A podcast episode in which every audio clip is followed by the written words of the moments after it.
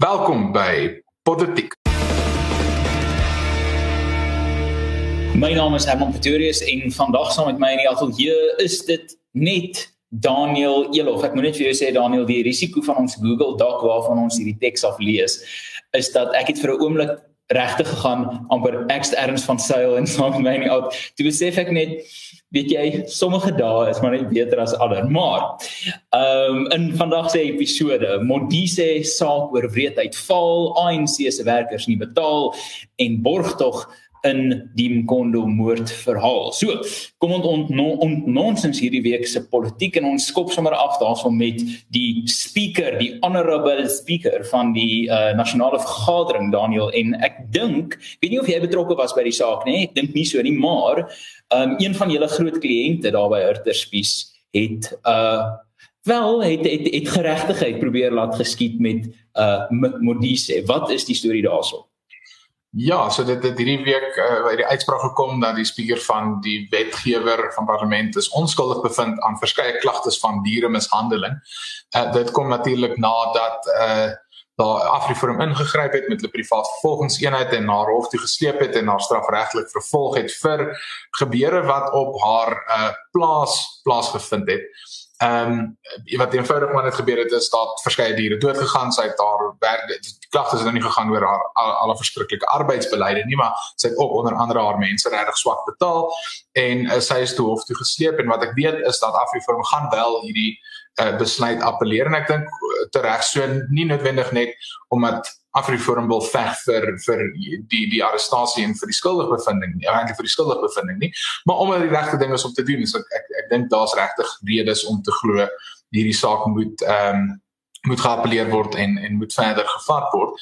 En en eenvoudig gaan dit daaroor dis dis nie dit gaan nie net oor dat mense wil hê 'n persoon moet in die tronk sit nie, dit gaan oor dat almal moet gelyk wees voor die reg. Dis eintlik die vervolgingsgesag se werk om om hierdie te doen, maar weens die posisie van Tandi Modise weens uh, haar politieke koneksies het die vervolgingsgesag net eenvoudig besluit hulle gaan nie vervolg nie. Nou ehm um, ek ek dink hierdie speel is is eintlik deel van 'n breër 'n uh, gesprek oor hoe die ANC eintlik aan aanspreeklikheid hanteer. Ons weet Cyril probeer gereeld 'n uh, uh, uh, lyn in die sand trek, maar daai lyn word maar stil stil elke keer in elk geval oorskry deur verskeie mense binne die ANC. En en en die die belang hiervan vir vir Suid-Afrika is om te bou aan 'n demokrasie en om te bou aan 'n grondwetlike bestel, moet jy sorg dat almal gelyk is voor die reg. Dit dit, dit, dit mm maak nie saak wie hulle is nie. En ek dink dis die sentrale punt van van hierdie hele saak op die ouenis. Dis 'n poging om te sorg dat selfs dies wat in mag is word uh, gelyk voor die reg hanteer. En interessant, ek ek weet daar's baie mense wat sal sê, "Ja, maar kyk nou net, jy Suid-Afrika is nou soos ons sal sê in Engels hierdie banana republic." Uh, maar dit gebeur oral in die hele wêreld. Mense wat in mag is, word nie aanspreeklik gehou vir dit wat hulle doen nie. Dis nie net 'n Suid-Afrikaanse ding nie. Dit is 'n wêreldwye ding. En oral in die wêreld moet mense veg om te sorg dat uh, almal gelyk is voor die reg en dat ons uh, regstelsel doeltreffend funksioneer. En en en, en dit gaan ek dink die die hartjie die term wat ons hier so soort van eh, wat wat die hartjie van hierdie kwessie saamvat is regstaat. Is Suid-Afrika 'n regstaat? En mense kry die kry daai regstaat konsep gereeld verkeerd vir al as mense gaan dink aan jy weet the rule of law, die opperheerskappy van die reg. En vir al die Engels the rule of law. Mense kry dit verkeerd. Mense dink die rule of law beteken dat wat die wet is moet toegepas word. Maar die Suid-Afrikaan die Afrikaanse vertalings baie nade. Dis nie die opperheerskappy van die wet nie, dis opperheerskappy van die reg in die sin dat geregtigheid objektief die absolute uh, soewereine uh, jy weet uh, gesag is wat wet en orde probeer handhaaf. So die, die hierdie sny tot die hart van die saak is Suid-Afrika 'n regstaat en tot watter mate is dit en tot, tot watter mate nie. Nou mense kan kritiseer dat verstaan hoekom gaan Afriforum probeer aan 'n nuwe politieke punt hierso maak. Maar ek dink daar is 'n politieke punt hier om te maak, maar daar is ook 'n dieper grondwetlike punt veral in 'n liberale demokrasie is daar hierdie punt om te maak dat 'n regstaat, die opperheerskappy van die reg 'n absolute kardinale element is en ons moet dit toets, ons moet dit uitdaag al is dit net om die antwoord te kry negatief dit is nie 'n regstaat nie. En ek en jy het al baie keer hieroor gepraat. Mense moenie kyk na hofsaake in die stryd om idees as pogings om 'n hofsaak te wen nie. Dis goed en wel maar dit is amper sekondêr. Die hoofnut van hierdie tipe aksies van hierdie tipe litigasie is om die platform van die reg te gebruik of van die howe te gebruik om sekere beginsels soos die konsep van 'n regstaat aan die groot klok te hang. Maar ek moet sê op die op die feite van die saak ek ek ek ek, ek, ek kan nie sien um redelikerwys uh uh uh wat is dit van hoe die hoe die hoe die uh, minstens die aansoek tot appel nie toegestaan word nie want ek dink as ek die die toets vir um of of 'n aansoek tot appel toegestaan gaan word is mos of 'n ander hof redelikerwys tot 'n ander gevolgtrekking kan kom. En ek moet sê dit is wat my so verbaas het in die Kolini uitspraak 'n paar jaar gelede of of laas jaar toe die uh aansoek om appel geweier is en so so ek dink die volgende stap as ek reg is Daniel is dat die die die die appel gaan nagejaag word en waarskynlik waarskynlik hoop mense natuurlik dat uh die die ver, verlof tot appel uh toegestaan word hierdie hof. Ja, dis dis nou die proses van hier af van werk as hulle doen aansoek vir verlof tot appel en ehm um, dan kan hulle dan gaan hulle waarskynlik die Hooggeregshof toe gaan.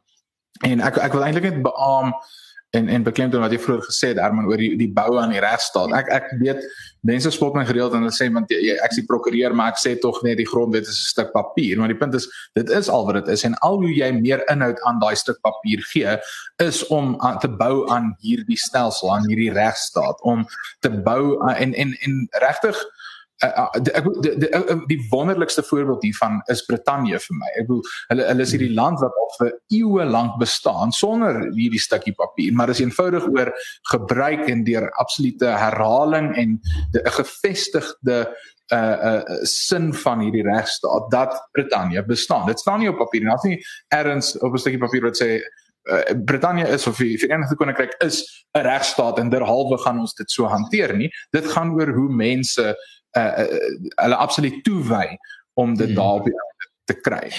En ek moet sê uit uit my soort van abortiewe pogings tot 'n M wat ek al moontlik iewers gaan gaan klaarmaak want ek kan nie so so sleg afsteek teenoor jy en Paulus en Ernst wat al drie soort van hierdie hierdie mag, mag, magisterium magiese grade het nie. Ek sal dan ons ons het nie ons het nie 'n formele kwalifikasie in enige van die kunste nie. So dit is daarom as jy soos in Engels sê ons one up. Ja, nee, ek moet sê uh, my my my opera studies help my help my regtig baie. Soos ek altyd sê, die politiek en opera is baie na mekaar. Mense wat verlief is op hulle eie stem, iemand gaan altyd dood. Dit gaan te lank aan en vir my Wagner waar jy kan. So die die uh um Een van die goeders wat vir my nogal uitgestaan het uit my navorsing wat ek gedoen het vir my abortiewe M was die feit dat ek ek is oortuig deur een ou, ek kan nie onthou wie nie wat geredeneer het dat alle grondwette is op die ou einde van die dag um ongeskrewe want hulle almal hang af van 'n geregtelike interpretasie.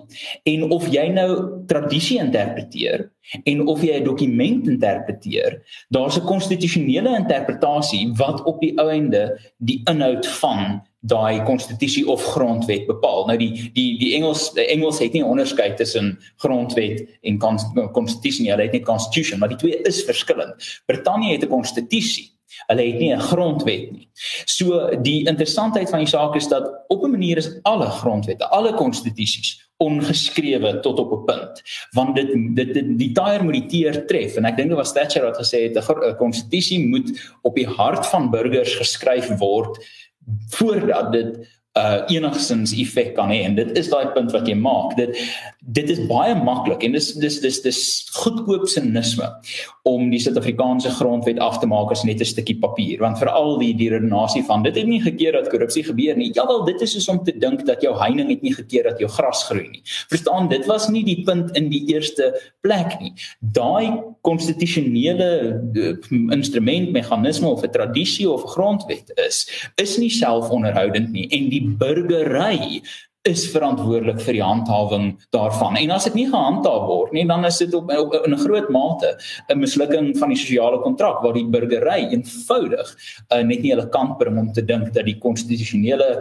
uh, uh, uh, essensie die moeite werd is om voor te veg nie. En sake soos hierdie maak daai 'n gesprek om te voer en en gee vir mense geleentheid om daaraan deel te neem. En dan net net ter afsluiting, dit klink eintlik asof jy uh heel hartig met professor Koos Malan saamstem.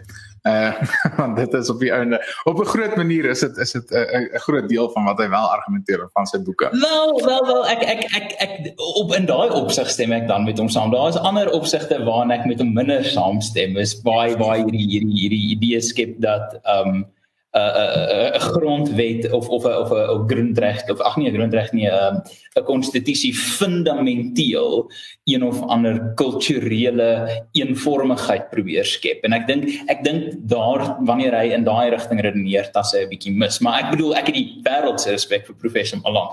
So uh is en en sy boek politokrasie is absoluut 'n moet lees vir enige iemand wat hierdie tipe goeders wil ontnonsens. Nou om te praat van uh, is jy weet wat die ANC doen word hulle gereg uh, geregtelik hanteer. En ek dink ons kan ook natuurlik as ons kyk nie net na Tannie Modise nie kyk ook na president Zuma hoe hy hanteer is. Daniel dink daaraan as ek en jy daarvan beskuldig was van wat se 734 of 43 klagtes van korrupsie en dan word daar opgetree en dan verstaan wil ons nie na die sondekommissie toe gaan nie en dan is die reaksie van die staat nee ons kom ons laat hom daaroor dink. Kom ons respekteer hom kom ons gee hom tyd to apply his mind daai tipe nonsens so ek bedoel daai vraag van is Suid-Afrika 'n regstaat die antwoord lyk like, lyk like nie te wees maar dit beteken nie ons moet op daarvoor veg nie. Maar die ANC het meer moeilikheid as net hierdie kwessie van is hulle filosofies en grondwetlik 'n uh, maar die verkeerde kant van die gereg want dit wil ook voorkom asof hulle nie hulle werkers kan betaal nie en um, ek moet sê dis vir my ek ek en jy het gegiggel voor die episode want ek bedoel dis net so lieflik op 'n manier. Ja, die ene gesê van uh, Jacob Zuma kom besluit en apply his mind of hy wil uh, gehoor gee aan wat die grondwetlike hof hom versoek het om te doen. Toe dink ek dit is nou vir jou die toppunt van van as hulle praat van privilege. Uh, uh, uh, en jy dink ek wil die die die absolute toppunt van privilege of bevoordiging moet tog wees dat jy kan besluit dat jy jouself wil steur aan aan uh, uitsprake deur die hoogste hof van 'n land. Maar nou ja, Ehm um, as ons gaan gesels bietjie oor die ANC, dit is minder oor die nuus storie as as Venus net oor absoluut hoe komies dit is. Ehm um, dis dis Suid-Afrika is eintlik 'n heerlike plek om te bly want mens mens never a dull day soos in Engels sal sê. Maar ja, dit het hierdie hierdie week uh, in die nuus gebreek dat die ANC sukkel finansiëel. Uh dis ook eintlik bietjie bemoedigend en goed om te hoor om te weet dat dis nie net Suid-Afrika wat hulle tot in die absolute finansiële afgrond in bestuur nie, maar ook sommer hulle eie party. Ehm um, ek dis dit was my baie interessant dat in dieselfde week wat ons gehoor het die ANC het nie genoeg geld om al sy werknemers te betaal nie, het ons gesien dat daar's nou weer toename in transito rooftogte. Ehm um, en ons het daai baie bekende video van van die die man wat die die kaping ehm um, gestuit het. Maar ja, nee, so so dis dis die die kort daarvan. Ons het daai toe in die stories gesien die ANC kan nie hulle werknemers betaal nie. Hulle het 'n skrywe gestuur om sin skrywe aan al die mense om te sê ekskuus dit gaan swaar. En dit het natuurlik uh, in die lig gekom dat hulle skuld die ehm um, die die versars natuurlik verskriklik baie geld want blykbaar na bewering het hulle 'n uh, uh, pay as you earn of pay why pay why PAYE, pay as you earn, het hulle afgetrek vir al hulle werknemers, maar hulle het dit nie ooit aan die ontvanger betaal nie. Nou, dit is 'n uh, ernstige oortreding van die inkomstewet uh die die inkomstebelastingwet. Ehm um, en en op die ouende is dit eintlik maar net diefstal van van Suid-Afrika. Hulle is besig om geld te vat uit die fiskus uit, maar ek bedoel wat nie. Ja nee, ek moet sê die die dit is ek dink een ding wat wat wat mense moet verstaan van die ANC is die hierdie is 'n organisasie wat wat wat wetteloosheid. Nou jy kan die meriete en die korrektheid van daai wet debatteer, maar die punt is hulle was 'n hulle het 'n element van buite die wet opgetree. Hulle was 'n verbande organisasie. So uh, op hulle RNA vlak amper is daar minagting ehm um, van van jy weet landswette. En mense mense kan debatteer oor of daai verbanning en die minagting van daai wet jy weet uh, reg of verkeerd was, maar die die probleem is as jy 'n vryheidsbeweging is en jy word 'n regering, maar jy maak nou die kop skuif van dat jy moet nou gebonde wees aan die wette al maak jy hulle self nie, dan ek dink dink dit verduidelik 'n groot element van die ANC is 'n absolute benarde prioriteit. Ons sien baie keer in die Sisulu het al gepraat van hoe die ANC belangriker is as die land. Ek onthou uh, president uh, Zuma se Twitter bio, dink ek het hom eers as president van die ANC gesit en dan as president van die Republiek. Uh, president Ramaphosa het al gesê die eenheid van die ANC is vir hom sy belangrikste prioriteit. So wanneer ons dan kom by 'n instansie of of of 'n geval van waar die ontvanger nie betaal is deur die ANC nie, dink ek die gedagte binne die ANC is amper ja, maar ons is in elk geval die ontvanger ook. Verstaan ons het nou net nie geld vir onsself gegee nie. Ehm um, so ek dink daar is 'n diep 'n uh, 'n uh, uh, minagting uh vir as ons nou gaan praat van die regstaat konsep. Daar's also 'n diep minagting en ek dink hierdie uh uh uh pay as you earn kwessie is iets wat wat ek dink ons 'n bietjie naderby moet kyk en en en dalk is daar 'n paar geleenthede daar vir burgers om betrokke te raak en om 'n bietjie te kyk of hulle mag in eie hande kan neem. Wat vir my natuurlik interessant is wat mense kan ontnonsens hierso is ek het al met 'n paar uh, uh LPs gepraat wat vir my sê die uh die die die onlangse wetgewing die die nuwe wetgewing rakende uh uh die befondsing van politieke partye en politieke uh uh veldtogte en so aan. Die ANC het dit opgetrek met die verwagting dat hulle hulle oppositie gaan beduiwel maar hulle het nou hulle self ook tot 'n mate beduiwel. Nou natuurlik, ek dink hulle is minder beduiwel as hulle oppositie want hulle het die voordeel dat hulle verstaan hulle kan nie ontvanger ontwyk want hulle is die ontvanger. Ehm um, hulle hulle hulle kan uh, jy weet deur uh, wat Chancellor House en Lutuli huis verstaan hulle uh, daarsoos vir hulle hulle het hulle het hulle vingers op die hulle hulle slaan die til as dit ware. So ek dink dit is 'n risiko vir uh die oppositiepartye groter hierdie kwessie van politieke befondsing. Maar dit is baie interessant om te sien dat die ANC self in 'n verkiesingsjaar wat 'n ongelooflike aantal geld gaan kos. Ek bedoel as jy daaraan dink dat die die die die uh die DA het in 2016 ek dink 190 miljoen rand aan hulle verkiesingsveld tog spandeer en ek dink die ANC was meer as dubbel dit. Dit is 'n multimiljoen rand se uh onderneming om verkiesingsveld tog te loods. En as jy 'n paar maande voor 'n verkiesing nie jou staf kan betaal nie, dan eerstens het jy 'n probleem organisatories want die mense wat vir jou werk moet doen, gaan nie die werk doen nie. Ehm um, dis maar net met die mense gehad het. En die tweede ding is dis rooi ligte wat flikker vir 'n party wat 'n baie baie tawwe verkiesing in die gesig staar, maar die interessantheid is natuurlik die drie groot partye in ons land het elkeen op hierdie stadium amper 'n eksistensiële krisis wat hulle beleef. So vir my is die befondsingskwessie van besonder besonder interessant. Mense wonder wat het geword van van daai uh, sigaretgeldjies van laas jaar. Ja, nee, 100%. Maar as ons dalk uh, kan oorslaan na ons derde storie vir vandag se episode en dis natuurlik die storie wat ons eintlik al oor die laaste paar weke, ek dink amper in elke liewe episode bespreek het en ek dink dis my interessant met hierdie Imkondo Petretief saak want ek bedoel daar was al vorige soortgelyke insidente. So, ons is al amper gewoond aan hierdie hierdie soort gebeure van iets wat op 'n plaas gebeur, uh, iemand wat wat uh, dood is en en dan is nou hierdie verskriklike groot saak in hierdie piep klein dorpie in die platte land. Dus dit voel my amper uh, in die FSA het hulle hulle stories met uh, polisie geweld en en mense wat geskiet word wanneer hulle afgetrek word en in Suid-Afrika het ons het ons hierdie en net soos wat dit in Amerika gebeur uh, polariseer hierdie ook nogal Suid-Afrikaners en mense is is geneig om baie vinnig tot verskillende gevolgtrekkings te kom. Ehm um, almal almal word net onmiddellik in in in hulle kampe in verdeel. Mense trek laer en en dan daar is ons maar hierdie hierdie Pieter Retief storie het vir my so hy's vir my klein bietjie anderste. Dit is net nie 100% presies dieselfde as die vorige gevalle wat ons gesien het nie. Ek weet jy ek dink jy is heeltemal reg en ek dink deels daarvan is die feit dat die ANC en die EFF het 'n baie spesifieke narratief wat hulle wil dryf.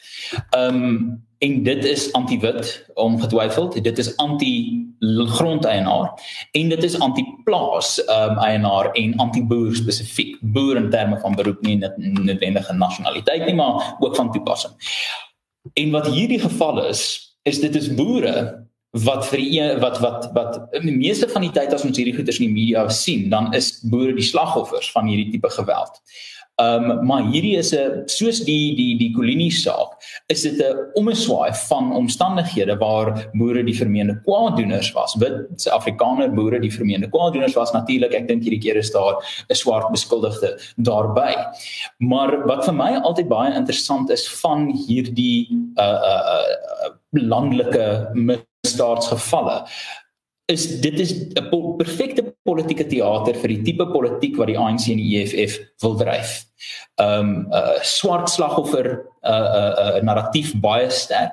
'n uh, 'n uh, uh, onderdrukkende wit superioriteitsnarratief baie sterk grond hier 'n uh, dispuut verstaan. Dit is hierdie kritiese rasteorie van as jy wit is, is jy 'n faalbom en as jy swart is, is jy 'n uh, slagoffer en daarom heilig.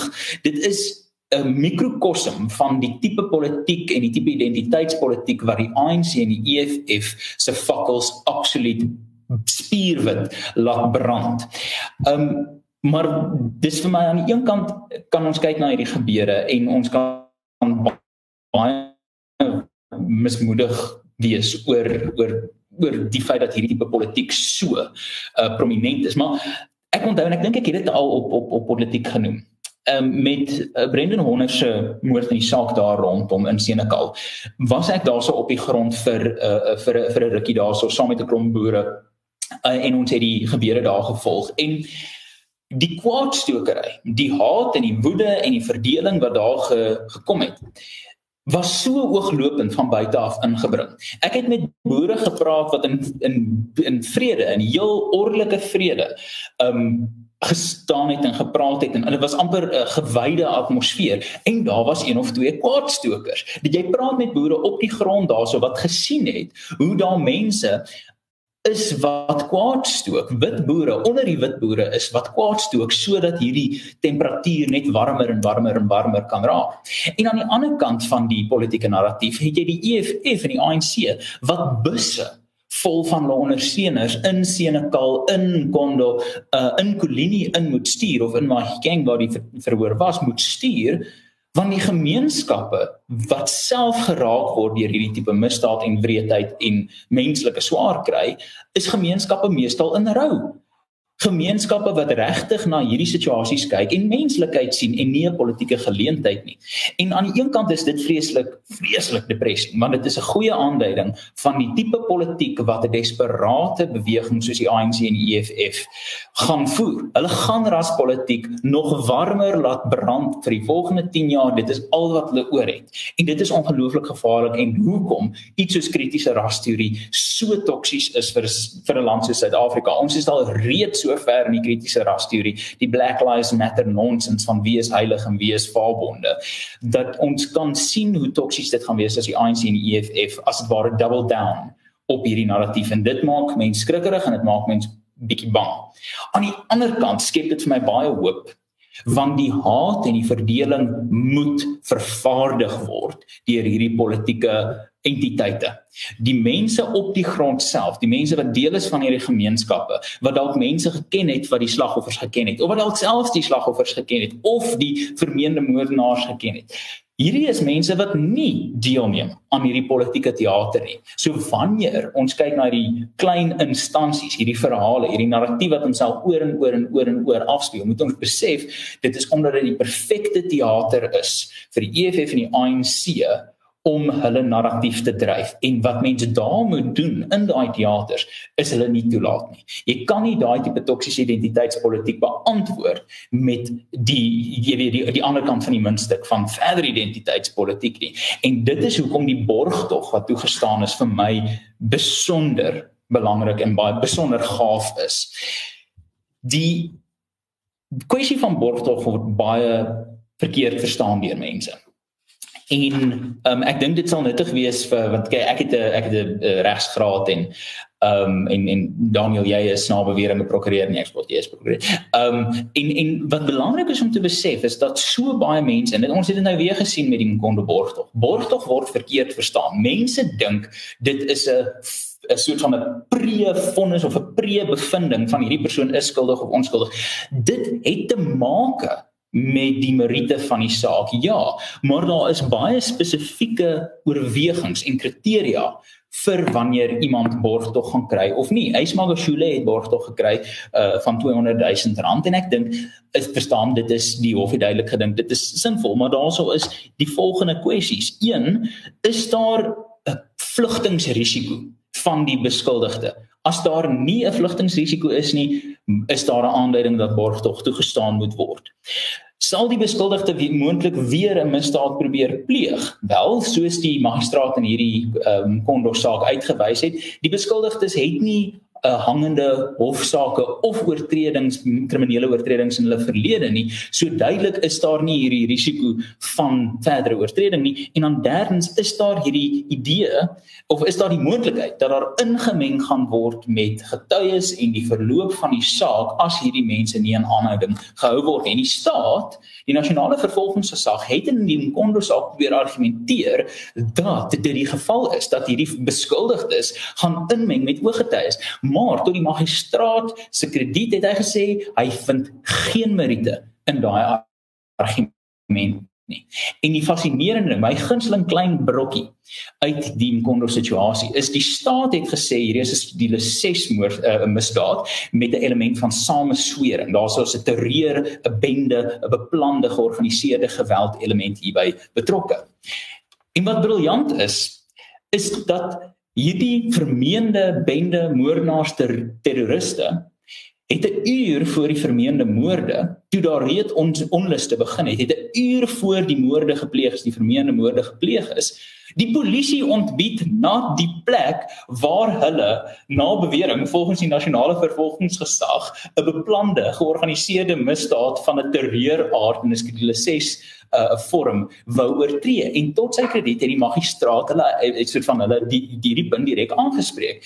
En die polisie moes erken dat as hulle vanaf die 10 minuut weg polisiestasie onmiddellik gereageer het op die oproep gemaak deur die beskuldigdes dan sou hierdie twee uh, swart mans nie vermoor gewees het nie.